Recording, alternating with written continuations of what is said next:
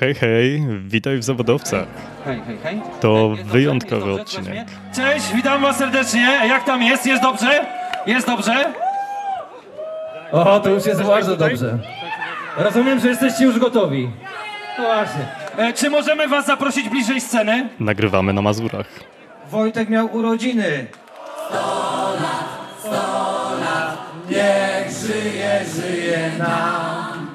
Nagrywamy nad jeziorem Bełdany, ale nie spotkaliśmy się tam jednak tylko z okazji urodzin szefa Lenovo.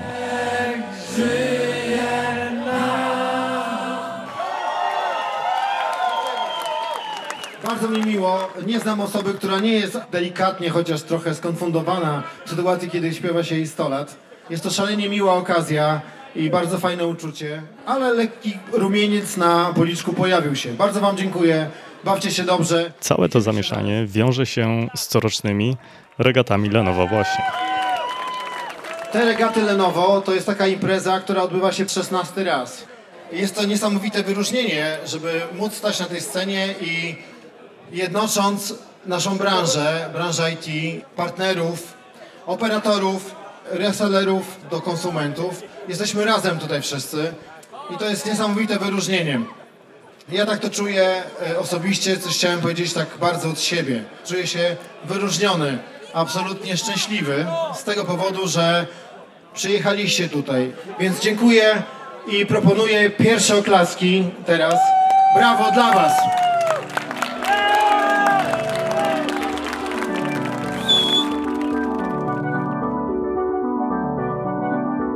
Tak radosnym dla firmy dniu i też korzystając z niezobowiązującej atmosfery tego eventu, ze znakomitym koncertem zespołu Drzem, postanowiłem w tym odcinku serii Lenovo Co jest w środku porozmawiać z Wojtkiem Zaskórskim, dyrektorem generalnym Lenovo Polska, podsumować pierwsze 10 odcinków naszego wspólnego przedsięwzięcia i porozmawiać o pracy Wojtka, zarządzaniu firmą, planach na przyszłość i nie tylko. Ale rozmowę zaczęliśmy oczywiście od regat. Jak byłem poza Lenovo, to zawsze chciałem być na regatach, a nikt mnie nie zapraszał. Więc dołączyłem do Lenovo, żeby przyjechać na regaty. Bo to zawsze była taka limitowana impreza. No właśnie jak robiłem research do e, naszej rozmowy, to w, oka okazywało się, że to kultowa impreza i patrząc na ilość osób, która e, tutaj właśnie przyjeżdża i loguje się, no to mamy do czynienia z kultowym eventem. kultowy event i było tyle zgłoszeń różnych partnerów y, handlowych i ta impreza nie ma tak naprawdę brandu vendora na sobie tak bardzo, chociaż nazywa się Regaty Lenovo czy Regaty IT Lenovo, ale tak naprawdę partnerzy, którzy przyjeżdżają, często zaczynają przygodę z Lenovo dopiero, są partnerami innych vendorów. To jest taka platforma wymiany doświadczeń, jakieś trochę spuszczenia z tego balonu napompowanego, takiego konkurowania ze sobą na rynku. Przecież ci ludzie, którzy stoją teraz jacht, jacht ze sobą na Kei, to oni często za dwa tygodnie stają się rywalami w jakimś konkursie, żeby dostarczyć coś do klienta X czy Y. A tutaj A za kolejne dwa mogą w, wspólnie startować w innym e, przetargu. mogą, no, po prostu raz konkurują, raz sobie pomagają, ale co jest fajne, że cała branża może się spotkać i to szczególnie taka duża duma, że cała branża może się spotkać raz w roku, tak sobie usiąść i pobyć ze sobą, porozmawiać, wymienić jakieś doświadczenia, a najbardziej tak po prostu pobyć jak człowiek z człowiekiem. No i, i właśnie ja nie wiedziałem, że regaty Lenovo w ogóle są największymi regatami, jakie w ogóle są w Polsce organizowane. O. Te branżowe. Okazuje się, że tyle łodzi. e, Ja naliczyłem ile? rys- 80 jachtów? jak nie dużo więcej, bo chyba port mieści sto parę jachtów, i, i, a nie ma miejsca nigdzie, więc, y, więc jest z tego bardzo, bardzo dużo i to najprawdopodobniej są największe regaty w Polsce. Tak wiele osób mówi, że to są największe regaty w Polsce. Niezależnie czy patrzymy na regaty branżowe, czy w ogóle regaty sportowe, takiej ilości łodzi w jednym miejscu, w jednym czasie osób ścigających się nie ma. Największa impreza branży IT, tak ja ją sobie w głowie koduję przyjeżdża aż tyle reprezentantów rynku i to różnych rynków, takiego kanału sprzedażowego, IT, czyli tak zwanych IT resellerów, integratorów, ale masz wszystkich operatorów. Mamy w Polsce kilku operatorów telekomunikacyjnych i każdy tutaj jest dzisiaj, ma swoją reprezentację, więc są i operatorzy. I żeby dopełnić tą, tą, tą wizję rynku, masz wszystkich retailerów tutaj obecnych, którzy sprzedają w sklepach elektroniki użytkowej również rozwiązania informatyczne. Mhm. Też tu są, więc jest tak naprawdę cały rynek i każdy rodzaj klienta w jakimś sensie, od małego biznesu, dużego biznesu do konsumenta, wszyscy są tutaj jakby pokryci przez partnerów, którzy tu są. No i wszyscy mogą usiąść razem, porozmawiać sobie, pobyć i to jest myślę, że rzecz, którą byśmy bardzo chcieli, żeby była możliwa, żeby to kontynuować co rok, spotkać. Spotykamy się tutaj na początku września i to jest chyba też e, dobry moment na to, żeby naładować baterie, bo jakby nie patrzeć, jesień, końcówka roku, to jeżeli chodzi o sprzedaż, najgorętszy okres. No tak, e, kalendarzowy kwartał czwarty każdego roku jest, wykazuje się taką dosyć dużą wagą dla, dla sezonowości całego roku nawiążę za chwilę do biznesu, ale opowiem teraz nie o biznesie przez chwilę, bo patrząc na, na to, co tu się będzie działo, bo mówimy regaty. Regaty ścigamy się na łodziach, tak? Mm. Ale oprócz tego dzieje się tu bardzo wiele różnych innych rzeczy. Nie wszyscy pływają, nie wszyscy komfortowo czują się na wodzie, więc mają inne atrakcje. To nie tylko jest to, że się spotkamy na dzisiaj na oficjalnym otwarciu i wszyscy ponudzą się na moim pięciominutowym przemówieniu z okazji otwarcia tych regat, prawda? Mm. Ale to jest cała taka impreza, zaczynając od jakiejś kolacji, potem otwarcie, potem mówimy o tym, że jest koncert zespołu, który nasi partnerzy nam podpowiadają, kogo by chcieli widzieć, a my staramy się poprosić daną gwiazdę, żeby chciała tutaj przyjść i zaśpiewać u nas, więc mamy fantastyczną gwiazdę, która będzie występować dla nas i, sam się nie mogę doczekać tego występu. Wszyscy ciesząc się z tego spotkania, spędzają czas razem po koncercie dalej, tak czy inaczej. Mamy formy bardziej nowoczesne spędzania czasu, że mamy muzykę z DJ-em, ale mamy też ognisko, bo mamy część osób, które bardzo lubi ten kontakt z naturą, więc jest ognisko, pieczenie tradycyjnych kiełbasek i tak dalej. Ale też kolejny dzień, to jest taki dzień, pływasz, nie pływasz, jak nie pływasz, to masz takie opcje, poznaj produkty Lenovo. Jest wiele różnych stref z naszą ofertą, z naszymi rozwiązaniami. To całkowicie nowe rzeczy, obszary, mhm. w które coraz mocniej akcentujemy swoją obecność, a chcemy o tym już mówić partnerom głośno, że to robimy. Na przykład cały obszar cyberbezpieczeństwa który, i zarządzania kryzysowego, który mhm. jest bardzo ważny w dzisiejszym świecie. To chyba nikt nie ma wątpliwości, że każda przytomna firma powinna się zajmować ciągłością działania, co się dzieje w sytuacji kryzysowej. Mhm. No myślę, że niefortunne rzeczy, które się wydarzyły z naszą wschodnią granicą, to doskonale wszystkim mówią, że powinniśmy patrzeć z nadzieją w przyszłość, ale, ale być też gotowi na, na rzeczy, które są nieprzewidywalne. Hope for the best, prepare for the worst. No to jest trochę tak. No i mamy tutaj rozpoczęcie tak naprawdę współpracy na tych regatach oficjalnych z firmą Celius, która jest specjalistą, są specjalistami ci ludzie w, właśnie w cyberbezpieczeństwie, w, zarządzaniu kryzysowym, w przygotowywaniu mhm. planów ewentualnościowych, scenariuszy i zaczynamy współpracę. Zaczęliśmy wcześniej już, ale dzisiaj chcemy razem z regatami też równo wszystkim powiedzieć o tym, że to zaczynamy robić razem. No i że w efekcie tego Lenovo będzie dobrym punktem, gdzie można będzie przyjść i partnerzy będą mogli przyjść do Lenovo po dobrą poradę, po dobre informacje, co zrobić, co zaproponować klientowi, żeby jego biznes był bardziej bezpieczny, chroniony przed cyberatakami, żeby był niezależny i odporny na zawirowania wokół nas i tak dalej, i tak dalej. To będziemy mogli świadczyć takie usługi doradcze, oczywiście jak zawsze przez partnerów. Wojtek, przejdźmy do Twojej roli. Pracujesz w Lenovo jako general manager w, w Polsce. Jak się zarządza taką organizacją w tak zmiennych czasach i też organizacją, która niezwykle rośnie pod kątem innowacji, wprowadzanych nowych produktów, rozwiązań. Tak jak kiedyś rozmawialiśmy, kwoty, które przeznaczacie na badania i rozwój, na generowanie nowych produktów e, i rozwiązań są astronomiczne. No, są astronomiczne. Myślę, że mm, Karol, też odpowiedzią na to pytanie jest, na co my mamy wpływ jako taki polski oddział i to pierwsza część wypowiedzi mogłaby być potencjalnie. Druga część wypowiedzi jest taka, co korporacja przygotowuje, żebyśmy byli bardziej atrakcyjnym partnerem dla naszych klientów na, na rynku, prawda? Na to, co korporacja przygotowuje. No to, Rozumiesz to? No, no, tak, no bo może nie, nie, tyle, że powstała teraz gałąź, ale, ale rozwinęła się bardzo przez ten chat GPT i tak dalej. Wszyscy chodzą, mm. mówią AI, AI, AI. No to i Lenovo patrzy na ten trend i zastanawia się to, kim jesteśmy wobec tego całego AI-a. Szczególnie, że tak naprawdę, o ile się orientuję, wy oferujecie hardware, nie software. Tak jesteśmy zapamiętani, chociaż też trzeba powiedzieć, że na przestrzeni lat, jak spojrzymy na raporty giełdowe, to nie chcę powiedzieć już tylko, ale 60% przychodu Lenovo to jest hardware, a 40% to są rzeczy poza hardwarem, takim komputerowym stricte, więc, więc na pewno zmieniamy profil też działania. Znaczy mhm. nie to, mhm. że zakopujemy komputery, czy zakopujemy jakiś hardware, czy coś, bo to dalej rozwijamy i będziemy w tym uczestniczyć, ale dokładamy całe ogromne działy właśnie na przykład usług, różnego rodzaju usług zaawansowanych, usług prostych i tak dalej. Tu to, mhm. tędy rośniemy. I to jest odpowiedź na trendy rynkowe, na to, jak my widzimy rynek za jakiś czas, czego klienci będą potrzebowali. No i tu można by było złapać się taką pułapkę, powiedzieć, że w takim razie to, to jest część ta taka korporacyjna nad nami, na którą my nie mamy wpływu. Ale mhm. to nie jest prawda. I to jest też ciekawe w firmie Lenovo, że de facto głos klientów dużo szybciej przedziera się do naszych działów R&D niż w innych organizacjach, w których do tej pory pracowałem. Mhm. Jest jakoś magicznie i nie wiem dlaczego tak jest i jeszcze się muszę nauczyć czegoś, jak działa nasza firma, ale rzeczywiście jest klient, który mówi ja potrzebowałbym złożenia takiej usługi z takim sprzętem i żeby to tak wyglądało, tak działało, no i ja tak sobie wychodzę z tych spotkań, nieraz mówię, kurczę, rzeczywiście to jest dobry pomysł, no ale to mhm. nie, no zanim ktoś usiądzie na deskę kreślarską, coś pomyśli, wymyśli. Pięć lat, wrócimy tutaj za pięć lat. Mhm. A mam takie przypadki, że nagle pytam się kogoś tak mimochodem na korytarzu, mówię, to co jest z tą sprawą, która tam sobie wyobraziliśmy, że za pięć lat będzie? A minęło pół roku, się okazuje, no jest. Mhm. Odpowiedź na potrzeby klienta przychodzi bardzo często szybko i my bardzo mocno zbieramy feedback i staramy się to dostarczyć i to jest bardzo duże zaskoczenie i to jest moim zdaniem taka dosyć spora różnica do innych firm, które do tej pory widziałem, że rzeczywiście wszyscy mówią, słuchamy potrzeb klienta, ale tutaj coś takiego się dzieje magicznego, że rzeczywiście te potrzeby klienta nie są zaksięgowane jedynie, ale coś Aha. się z nimi dzieje.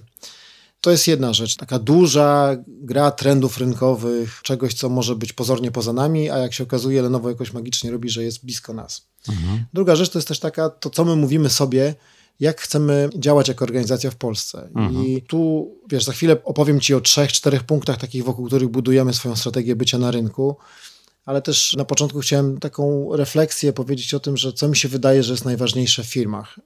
I wiesz, Karol, jak często słucham różnych osób, które się wypowiadają publicznie, no to oni zawsze mówią, ludzie są najważniejsi. To mnie gdzieś irytuje. Dla mnie to jest mhm. jakiś taki komunał, banał. Co to znaczy? E, tak naprawdę. Ja bym powiedział, że ma możliwość adaptacji do zmiany. No, wiesz, każdy będzie miał jakąś sytuację, ale ta filozofia, która jakby mi gdzieś przyświeca, to wydaje mi się, że staramy się prowadzić tę organizację w Polsce pod względem takich relacji między sobą w ten sposób, żeby każdy czuł, że ma do zrealizowania ambitne, a jednocześnie ciekawe zadania, że nie robi rzeczy bez sensu, że robi coś nowatorskiego, że mamy takiego jakiegoś ducha, który gdzieś krąży, jak to duch niewidoczny, ale krąży między nami, ducha zwycięstwa, takiego, że chcemy wygrywać. Ja odbieram to tak. Może jak wysłuchają to potem wszystkie inne koleżanki i koledzy Lenovo, to powiedzą, co on opowiada za farmazony. Mhm. Ale liczę, że tak nie jest. Liczę, że czują to samo co ja, że jest duch walki nasz wspólny, jakaś mhm. ambicja wspólna, co daje nam dodatkową energię i siły do tego, żeby jeszcze dalej przejść, jeszcze wymyślać coraz to nowsze jakieś strategie go-to-market na, na, na różne rzeczy, reagować na sytuacje, które zdarzają się na rynku. Ten duch też mówi o tym, że jesteśmy bardzo mocno zaangażowani w różne takie rzeczy związane z pomaganiem. Człowiek człowiekowi pomaga w różnego rodzaju charity, który, mhm. które nikt nam nie każe tego robić. Po prostu tlenowo jakoś tak to działa, znowuż jakaś magia, że ktoś rzuci hasło, że słuchajcie, fundacja, którą się opiekujemy, potrzebuje wolontariuszy, którzy w sobotę i niedzielę, nie wiem, przeniosą 4 tony czegoś z miejsca na miejsce, bo to się przyda jakimś seniorom do czegoś. I się okazuje, że w Lenovo nie ma takiego witch hunting, że się chodzi, kto pójdzie, ty pójdziesz, ty pójdziesz, ty pójdziesz, to nie ma czegoś takiego. Okazuje się, że idziesz bardziej do osoby, która to koordynuje, mówisz, dobra, wiesz co, ja mogę w sobotę pójść. Mhm. O, o, o, to już pięć minut temu było mówione, teraz to już cztery osoby miały być, czy pięć to już jest. Mhm. Jest coś takiego, jakiś taki wspaniały właśnie ten duch walki, kooperacji. Nie jest łatwo, nie jesteśmy organizacją taką, która się zadawala byle czym, więc cały czas staramy się challenge'ować się nawzajem i być coraz bardziej ambitni, chcieć coraz więcej i tak dalej. Ale, Ale tego ducha musisz budować świadomie, to Wojtek, powiedz, jak ty to robisz, bo zakładam, że wiesz, przy twoim obciążonym kalendarzu, twoich obowiązkach, planach wzrostu sprzedaży i ambitnych celach, które sobie wyznaczacie, no, masz sporo innych rzeczy na głowie, a ten duch, o którym mówisz, czasami schodzi na ten drugi plan. Ja myślę, Karol, że używałem słowa często duch, magia, sugerując delikatnie, że nie wiem, po pierwsze. Po drugie, Myślę, że rola szefa jakiejś organizacji jest może trochę przeceniana też, że on tak wszystko to on robi, że też Nie jest... robi, ale, w, ale, ale, wiesz, ale, ale nadaje kierunek. Nadaje kierunek, no może, ale też wiesz, delegujemy bardzo dużo rzeczy. No, z drugiej strony wiesz, szef bez zespołu też nic nie zrobi. No, prawda jest taka, że jesteście połączonym organizmem. Tak, tak. Zastanawiam się, dlaczego tak jest. Na razie moja refleksja jest taka, że cieszę się bardzo, że tak jest i uważam, że mamy dużo szczęścia, że tak jest. I teraz pytanie, czy w tym szczęściu pomaga nam jakaś część naszego rozumu, czy coś jest coś takiego, że to jest jakieś przemyślane działanie, które daje taki czy efekt, czy, czy jakoś intuicyjnie się to dzieje, czy też mm, był podcast fajny o iglach naszych, o tych naszych osobach, które o pierwszą pracę, o stażystach mhm. zaczynają pracę. Była osoba, która zawiaduje działem HR w Polsce a może to jest też jej ręka, jakaś ogromna praca w selekcji osób, które dołączają do Lenovo, że to może w sumie Agnieszka ma talent niesamowity, mhm. że potrafi do tej firmy zatrudniać ludzi, którzy potem dobrze współdziałają i chce im się chcieć i nie potrzebują być sprawdzani. Tu jest mało jakichś takich rzeczy, wiesz, jakichś super mechanizmów kontrolnych, braku zaufania, raczej Raczej to działa jakoś tak, że obdarowujemy wszystkich jakimś ogromnym pakietem zaufania, tak na mhm. dzień dobry. I potem, oczywiście, wiesz, można to stracić w jedną sekundę, ale, ale standardowo by default wszyscy mają jakieś duże zaufanie, mają wolność i zawodowo mogą się wyżyć. To jest takie spełnienie ambicji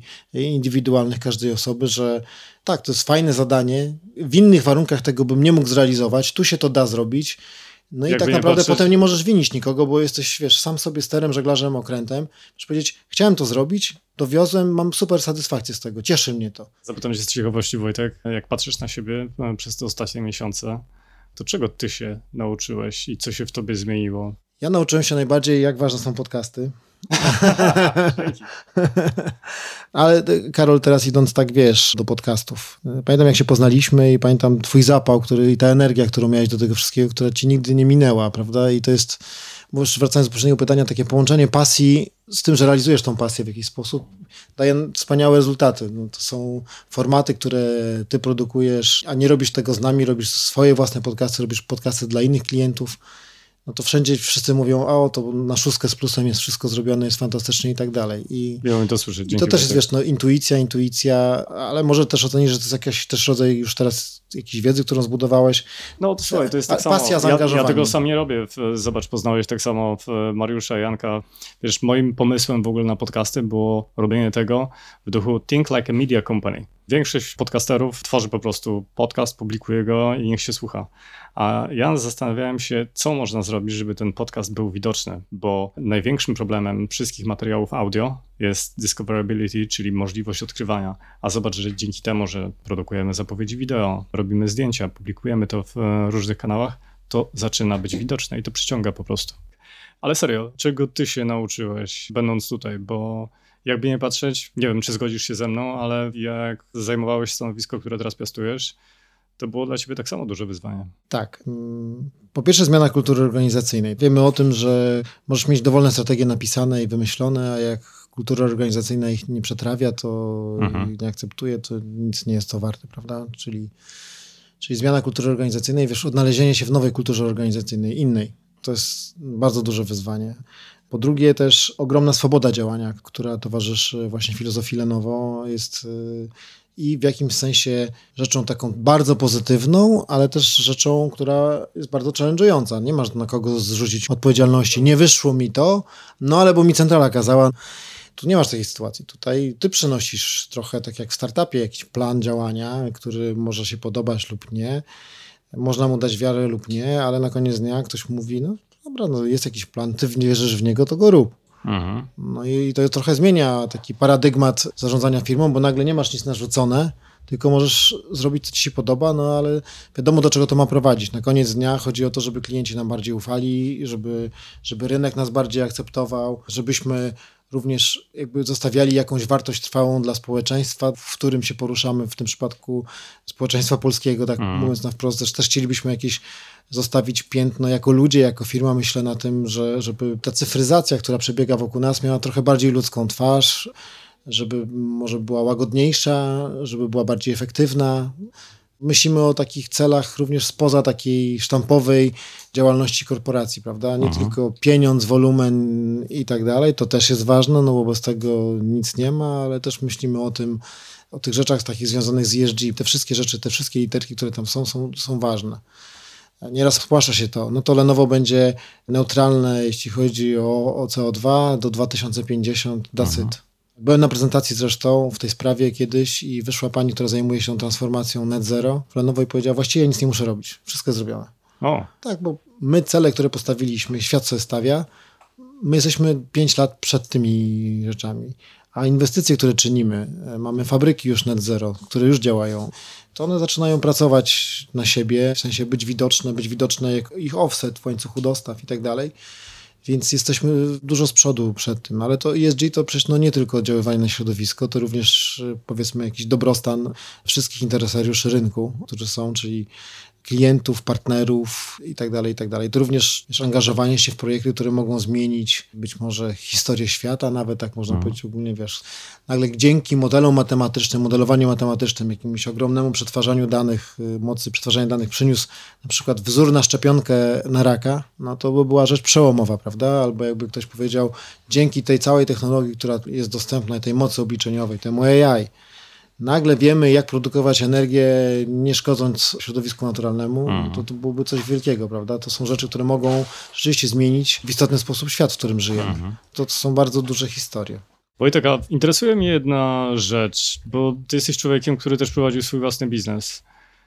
Na ile pracując, jakby nie patrzeć, w korporacji międzynarodowej, masz przestrzeń i na to poczucie takie podobnej sprawczości, jak miałeś w przypadku prowadzenia własnego biznesu? No wiesz, żaden biznes, w którym pracujesz, nie dorówna sprawczości biznesowi twojemu własnemu, prawda? No mhm. bo to są twoje własne pieniądze, twoje ryzyko i tak dalej. Tu musisz coś, no iść na jakieś kompromisy, ale wydaje mi się, że Lenovo to jest siódma firma, w której pracuję.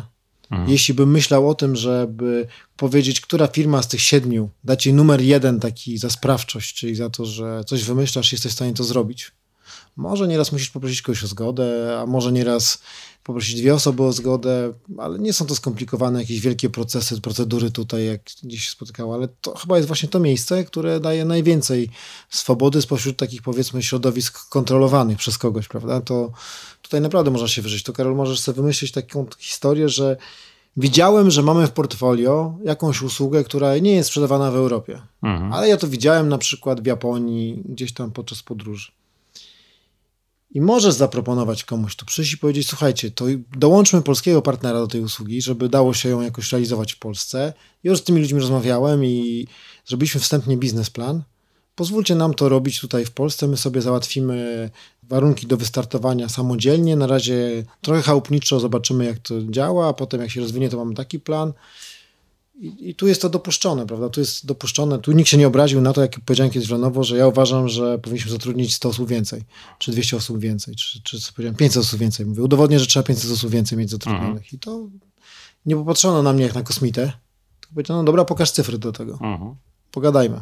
No i ta firma oferuje, czyli Lenovo oferuje bardzo dużo wolności, sprawczości takiej i tak dalej znowuż porównując z prywatnym biznesem, no to no, oczywiście, że konstatuję, no musisz czasami się kogoś o coś zapytać, no nie możesz. Z drugiej strony dysponujecie też i narzędziami, i budżetem i być może to wymaga więcej skupienia, trochę formalizmu e, i tak jak mówisz, zapytania jednej, drugiej czy, czy trzeciej osoby z prośbą o wyrażenie zgody, ale zasoby też macie do tego, żeby działać. No mamy, wiesz, i to też, a może ta sprawczość w połączeniu z tym, że odpowiadamy na co oczekują nas klienci, prawda? I, I, jednym z takich rzeczy, które klienci przez kilka lat już mówili w stronę Lenovo, że dobrze by było, jakby Lenovo było made in Europe. Mhm. No, no, nie zajęło to, wiesz, jednego roku, to jest oczywiste, no ale powstała fabryka na Węgrzech, wyjechało do tej pory z, z niej pewnie około miliona urządzeń różnych. Mhm. To nie tylko ma takie znaczenie, wiesz, jeśli chodzi o CO2 offset, że no, nie trzeba przez pół świata ciągnąć produkcji na statkach i tak dalej, truć, tylko to jest w obszarze Europy, dostarczamy z Europy. To jest jeden wymiar. Drugi wymiar, no to mamy dywersyfikację, prawda? Mm miejsc, gdzie produkujemy. Okazało się, że czasami te globalne łańcuchy dostaw... E, no przy covid prawda? No to mamy po załamaniu globalnych łańcuchów dostaw, a tutaj taka fabryka też odpowiada na, na tego typu potrzeby. Mhm. Też Europejczycy doceniają produkty, które są zrobione w Europie, więc ten napis taki na pudełku Made in Europe jest ważny. No i z tego powodu też jak obserwujemy media społecznościowe Lenovo czy gazety różne gdzieś tam, które się zainteresowały, podchwyciły ten trend, no to jest aktywna ciągle, myślę nawet w tej chwili kampania Made in Europe for Europe dla Lenovo. Ona ma rozwinięcie w innych częściach świata, Made in, for example, America in America i tak dalej, i tak dalej, no ale to jest ważne z wielu powodów, o których opowiedziałem. A wychodząc teraz w przyszłość, Wojtek, jak obserwujesz trendy i to, co dzieje się na rynku, zakładam, że macie w Lenovo laboratoria, które już teraz dysponują technologią, którą będziemy wykorzystywali za rok, dwa, trzy. To jak byś nazwał trendy, te, które będą miały największy wpływ teraz na naszą codzienność i będą rzeczywiście przenosiły się do naszego codziennego życia? Oczywiście są takie futurystyczne wizje, które są dostępne wszędzie i można sobie o nich coś poczytać.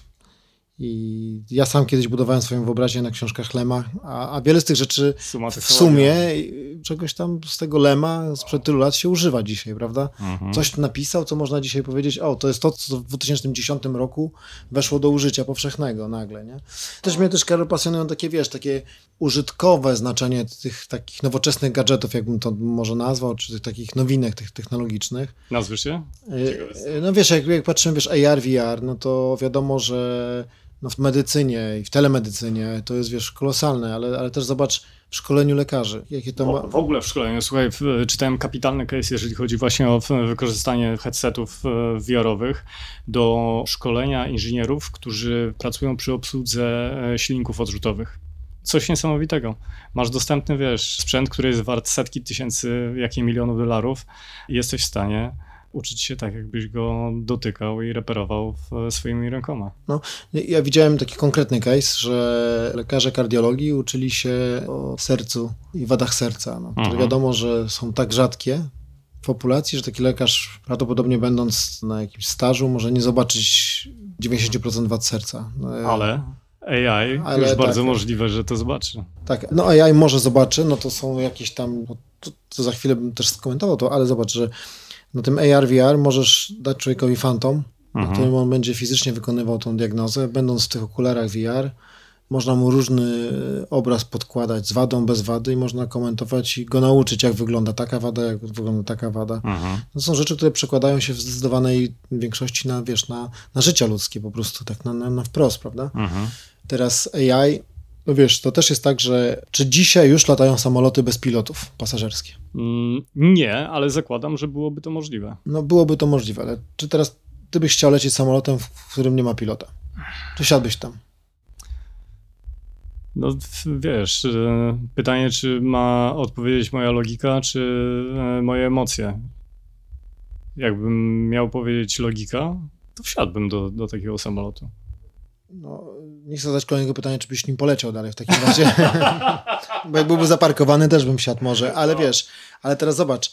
Wiesz, y- ale ja patrzę na statystykę, Wojtek, a lot, y, jeżeli chodzi o całą procedurę, jest dużo łatwiejszy, tak mi się przynajmniej wydaje, niż y, chociażby ruch uliczny i samochody. Dużo łatwiej to zaplanować niż, niż autonomiczny samochód. Nie. Tylko, że w, w samolocie bywa 200 albo 400 osób.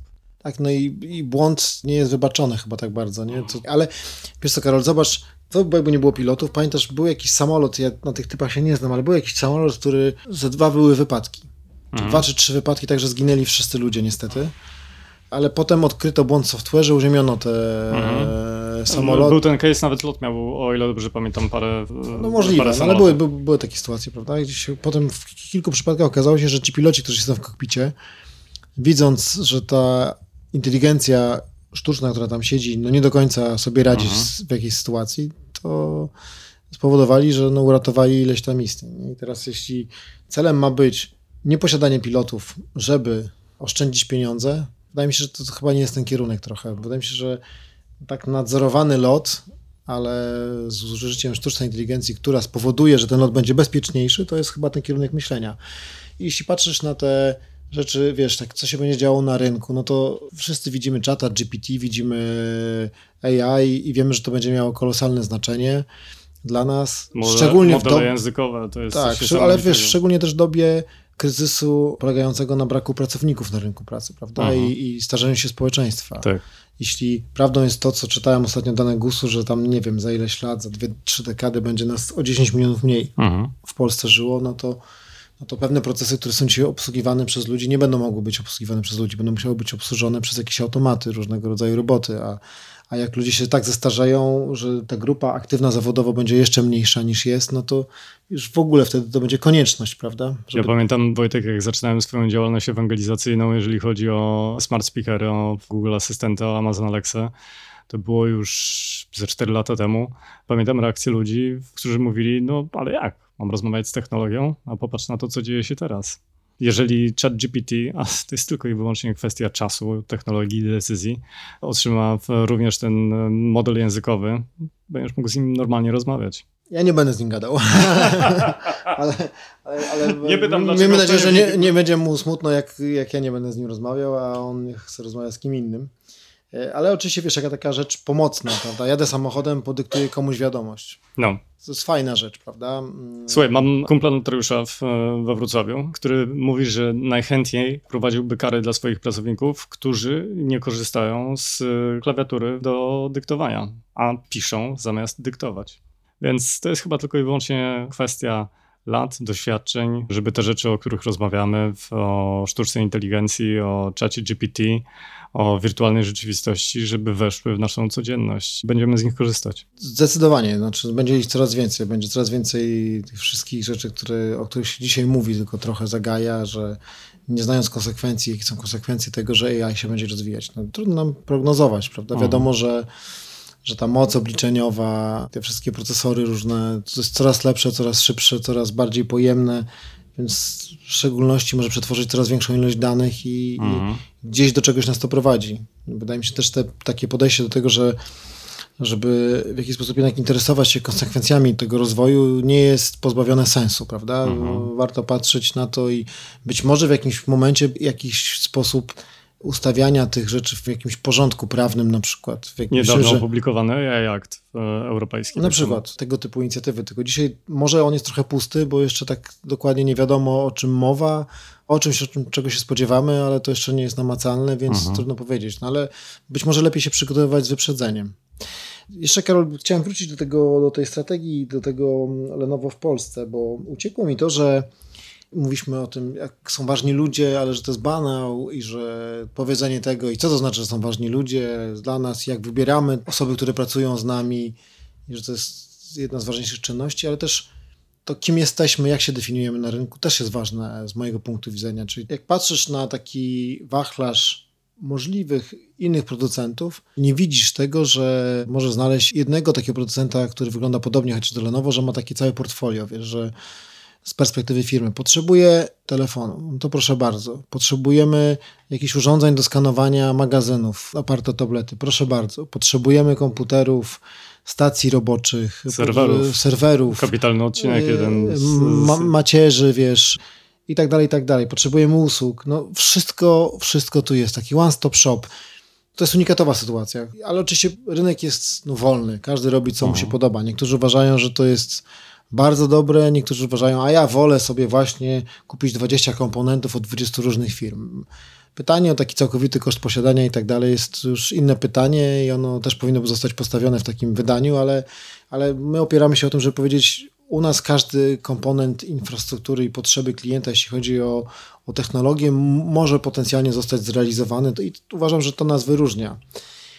Inną rzeczą, która nas wyróżnia, to to, że wiesz, co 4 sekundy zjeżdża jakieś urządzenie Lenovo na świecie z jakiejś taśmy gdzieś. Co powoduje na koniec dnia, że Lenovo jest największym producentem komputerów mhm. na świecie, no i kropka. Ale co to znaczy? To znaczy, że nakłady na badania i rozwój, które mamy, no mogą być największe, no bo w branży, bo mamy do tego bazę, żeby taką bazę przychodową, żeby, żeby inwestować coraz więcej, prawda? I to czynimy. Widzieliśmy ostatnio zapowiedzi, tam 2,2 miliarda dodatkowo jakichś pieniędzy na jakieś badania, tu w takim obszarze, w takim, mhm. tu jakiś rozwój, coś. No, to wynika z tego, że rzeczywiście to Lenovo no, jest potęgą, jeśli chodzi o technologię na świecie. Pięknie różnimy się z naszymi konkurentami, lubimy się spotykać i dyskutować e, na przykład u klienta o tym, jakie rozwiązanie byłoby bardziej na miejscu ale szanując wszystkich innych, no tutaj jest w tej chwili, no tak, no jest to największy producent komputerów na świecie. Co za tym idzie, można inwestować dalej mhm. w ten cały rozwój. I trzecia rzecz, też powiedzieliśmy trochę o tym, ale podsumowując, Lenovo sprzedaje kanałowo. Sprzęt Lenovo jest dostępny wszędzie, gdzie klient chce go kupić. Na przykład patrzymy na biznes. Nieraz jest tak, że w jakimś mieście istnieje firma, która chciałaby kupować sprzęt u swojego dostawcy, którego od wielu lat zna. On robił im różnego rodzaju wdrożenia, jest takim lokalnym dostawcą. Mhm. Ten partner zgłosi się do nas i powie, słuchajcie, chciałbym pracować z Lenovo, chciałbym być częścią kanału Lenovo, to nie zostanie wysłany z kwitkiem, tylko hej, pracujmy, jest to możliwe. Będziemy starali się rozwinąć nasz biznes, twój biznes, będziemy współpracować. Jak konsumenci mówią, nie chce nam się jeździć do domu, żeby kupić jakiegoś rodzaju tam produkty Lenovo. Bardzo lubimy pojechać za róg najbliższej uliczki i kupić mhm. coś tam, co tam jest. To w takim sklepie nas znajdą. Jak ktoś powie, ja wolę efekt showroomingu, chcę być oszołomiony wystawą, możliwością dotykania wszystkiego i tak dalej. Super, że o tym sklepie mówisz. też jest to. To przychodzą ci do głowy produkty, które robią takie wrażenie, jak e, prowadzicie prezentację? Mi się wydaje, że każdy pracownik Lenovo będzie miał swoje ulubione produkty i coś, co go akurat w tym momencie... Pamiętam, jak nagrywaliśmy odcinek z serwerami i dowiedziałem się, że jeden z gości, z którymi rozmawialiśmy, pracuje w Lenovo, o ile dobrze pamiętam, 17 lat. To też dobrze świadczy o firmie jako takiej, mhm. prawda, że osoby decydują się oddać jej jakąś sporą część życia i są jej lojalne przez tyle lat. I to jest jakby fajna rzecz. I, i planowo rzeczywiście jest tak, że jest dosyć sporo osób, które pracują już kilkanaście lat. To jest ciekawe zjawisko, nie? Ale mówię, każdy pracownik pewnie ma coś swojego ulubionego. Mhm. My widzimy tych rzeczy, tych nowych premier, które mają się ukazać zaraz za chwilę. Widzimy ich dużo. Co chwilę coś ktoś przynosi, mówi, zobacz, to jest ten nowy mhm. ten, albo to jest to, to jest tamto. No i te nasze miłości do produktów naszych własnych też są takie sezonowe, bym to nazwał, bo coś, co będzie premierę miało za tydzień, jest teraz, wiesz, tak każdy myśli o tym, że to takie fantastyczne, ale za dwa miesiące będzie premiera czegoś innego i, myślimy, ach, to jest też fajne. Wojtek, naszą rozmowę zaczęliśmy od y, ludzi, od waszych partnerów y, i od osób, które uczestniczą w y, regatach. Opowiedz mi w kontekście ludzi takich, jakich potrzebujesz w Lenovo, to kogo potrzebujesz i z kim chciałbyś pracować? My potrzebujemy postaw bardziej niż e, jakiejś konkretnej wiedzy. Nie? Wydaje się, że oczywiście bardzo dobrze być specjalistą w jakiejś tam dziedzinie i to absolutnie jest e, coś na plus, mhm. ale równie ważną, bardzo ważną rzeczą jest też postawa. O tych postawach rozmawialiśmy sobie, bo mówiliśmy o tym duchu firmy, jaki on jest. Że to mhm. jest duch firmy przedsiębiorczości, duch firmy bycia odpowiedzialnym za coś, co robisz. Taki że ci się chce chcieć, czyli jakby w Lenovo na przykład, jak ktoś planował przyjść odcinać kupony, to nie jest ta firma.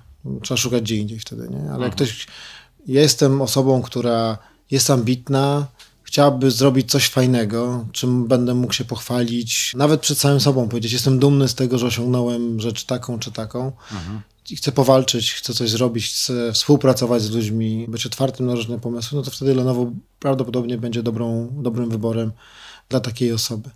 Często koncentrujemy się na jakiejś polityce, jakichś grach korporacyjnych i tak dalej. Raczej my tego unikamy. My mawiamy, że lubimy spalać kilokalorie na konkretne rezultaty, niż na jakieś wielkie politykowanie. Rezultaty, a nie polityka. Wojtek, to co? Życzymy wszystkim udanych regat. Tak, dobrych wiatrów. Dobrych wiatrów. Stopy wody pod kilem. A ja tobie serdecznie dziękuję za nie tylko za tą rozmowę, ale tak samo za wiarę w podcasty i w to medium. Bardzo Ci dziękuję, bardzo mi miło, to duże wyróżnienie, móc tutaj sobie tak siedzieć na tej łodzi i rozmawiać i jeszcze mieć taką nadzieję, że ktoś tego posłucha potem, prawda? A jak widzę po pozostałych odcinkach i statystykach odcinków, to rzeczywiście jest tak, że odnosimy sukces z tymi podcastami. My zakładaliśmy w naszych marzeniach takie wyniki, jakie osiągamy na każdym podcaście i się marzenia spełniły, więc to tym bardziej fajnie. Dzięki za ten czas współpracy, no i też żywię taką nadzieję, że dasz się namówić na to, żeby to kontynuować. Z przyjemnością. Niech zatem podcasty i AI będą z nami wszystkimi. tak jest. Dzięki serdeczne. Dzięki Wojtek. Na razie, hej. Dzięki serdeczne za Twój czas dzisiaj. Dzięki, że jesteś zawodowcami. Już niedługo kolejne rozmowy, ale również zmiany. Tymczasem dobrego dnia i niech podcasty będą z nami wszystkimi. Pomysł serii i produkcja Karol Stryja. Scenariusz, realizacja, montaż i udźwiękowienie Michał Kukawski. Zdjęcia Mariusz Wilka. Wideo Jan Toruński.